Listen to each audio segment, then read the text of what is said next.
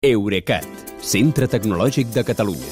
Innovant amb les empreses. Innovant amb tu. Albert Cuesta, molt bona nit. Bona nit, Kilian. No tens tot el temps del món, però sí, sí que volem que ho expliquis. Que expliquis per què no t'acaba de quadrar això de les explicacions de DIF. Uh, hem de dir que Adif atribueix el caos ferroviari a un problema tècnic, primer de telecomunicacions, més tard informàtic, i que hi ha alguna cosa que no et quadra. Com afecten els ordinadors a la circulació dels trens, Albert? Aviam, en aquest cas eh, hi ha una cosa que es diu el Centre de Control de Tràfic Centralitzat de la xarxa ferroviària convencional, eh, el lloc de comandament és a l'estació de França de Barcelona i és el que determina eh, on van els trens, amunt i avall. Doncs aquest matí ha perdut la possibilitat de comunicar-se amb els trens. En poques paraules, a l'hora de començar el servei de Rodalies i el de mitja distància, aquest centre de comandament funcionava hi havia trens, hi havia maquinistes, hi havia estacions, hi havia catenàries, però el CTC, el sistema aquest, no podia fer arribar als trens les ordres d'on havien d'anar, i per això no han sortit, i sort que no ho han fet, perquè han, han molestat a 80.000 persones, però circular sense això hauria sigut una temeritat. Sí, um, pel que saps, què és el que ha passat aquí?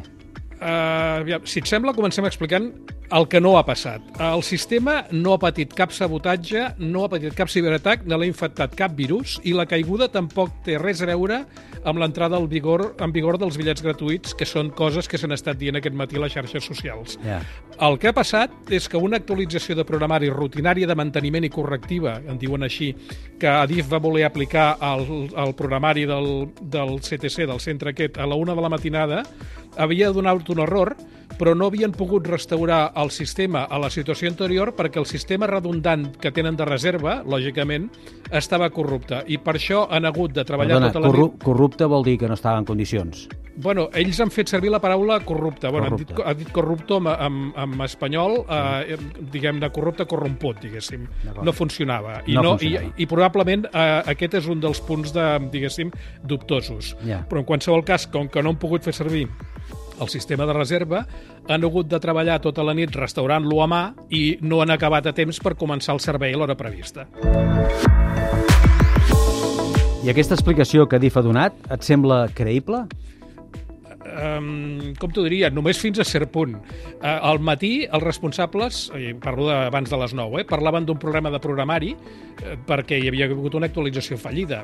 Però aquesta tarda, la presidenta de DIF ha dit en roda de premsa que el problema era de hardware, concretament de que s'havien espatllat uns discs durs. Els discs durs, sí. Aviam, en realitat les dues explicacions són compatibles i jo crec que s'han combinat les dues. Jo no conec el detall de la instal·lació aquesta del centre de, de, de control de, de trànsit, i no és, que, no és que no hagi intentat trobar-lo, l'he buscat al, al portal de licitacions de DIF, però la veritat és que no me n'he sortit, perquè et pots imaginar com és un portal d'aquests.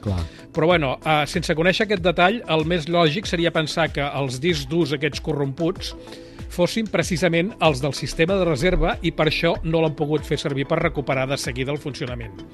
Mm, a veure, ara ha passat a DIF, però no seria el primer cop que passa això. Hi ha moltes caigudes de grans serveis d'internet que hem comentat en aquest espai que van així. Que els hi passa això, eh? Sí, sí, el que passa és que intentes, eh, intentes fer una cosa, no et funciona, llavors recu intentes recuperar la còpia de seguretat, diguéssim, per simplificar, Sí. i la còpia de seguretat no està, no està en condicions, llavors ho has de reconstruir tot a mà.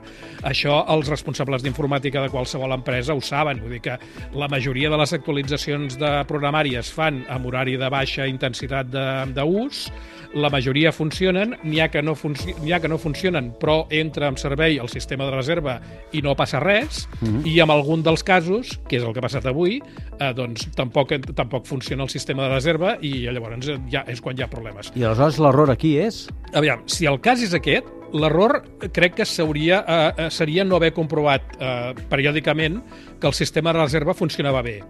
Eh, el que em semblaria molt greu és el, això que en realitat explica, sembla que explica DIF eh, en, veu, en boca de la seva presidenta, que els han fallat els dos sistemes. Això sí que em semblaria, mm, francament, intolerable.